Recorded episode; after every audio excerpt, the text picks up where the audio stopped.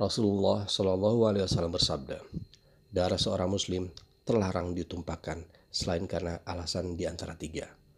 Orang yang telah menikah berzina, membunuh dan dia telah menikah dan meninggalkan agama, meninggalkan jamaah muslimin.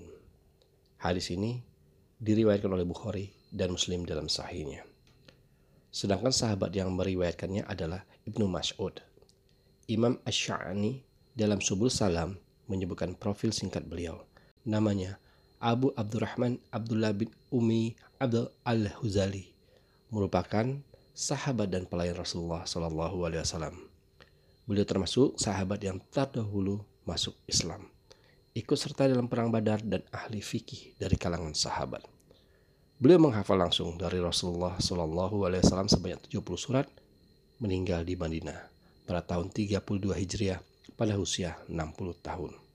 Secara umum, hadis ini ingin menerangkan bahwa haram hukumnya membunuh muslim, kecuali ada dari tiga kriteria yang terpenuhi. Pertama, berzinanya orang yang telah menikah. Kedua, membunuh. Ketiga, murtad. Adapun pelajaran yang bisa diambil dari hadis ini, sebagaimana catatan Syekh Ustaimin dalam Syarh Ar-Arba'in, di antaranya adalah sebagai berikut. Pertama, haramnya darah muslim atau wajib menghormati nyawa muslim. Kedua, darah non-muslim halal kecuali yang ada kesepakatan damai. Kafir zimni atau yang tinggal dengan aman di negeri muslim dan dalam lindungan negara dan musta'min atau seperti yang datang ke negeri Islam dengan damai untuk berdagang dan lain sebagainya. Ketiga, Rasulullah Shallallahu Alaihi Wasallam mengajarkan metode penyampaian menarik dengan cara klasifikasi masalah. Keempat, orang yang telah menikah kemudian berzina maka hukumnya dibunuh dengan cara rajam.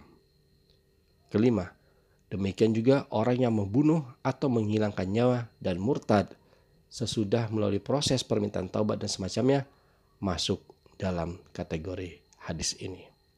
Maka dari itu, jika ada orang yang sudah menikah berzina, membunuh dan murtad, maka menurut hadis ini halal darahnya. Tentunya ini berjalan berdasarkan koridor hukum bukan main hakim sendiri. Semuanya adalah wewenang pemerintah. Wallahu a'lam.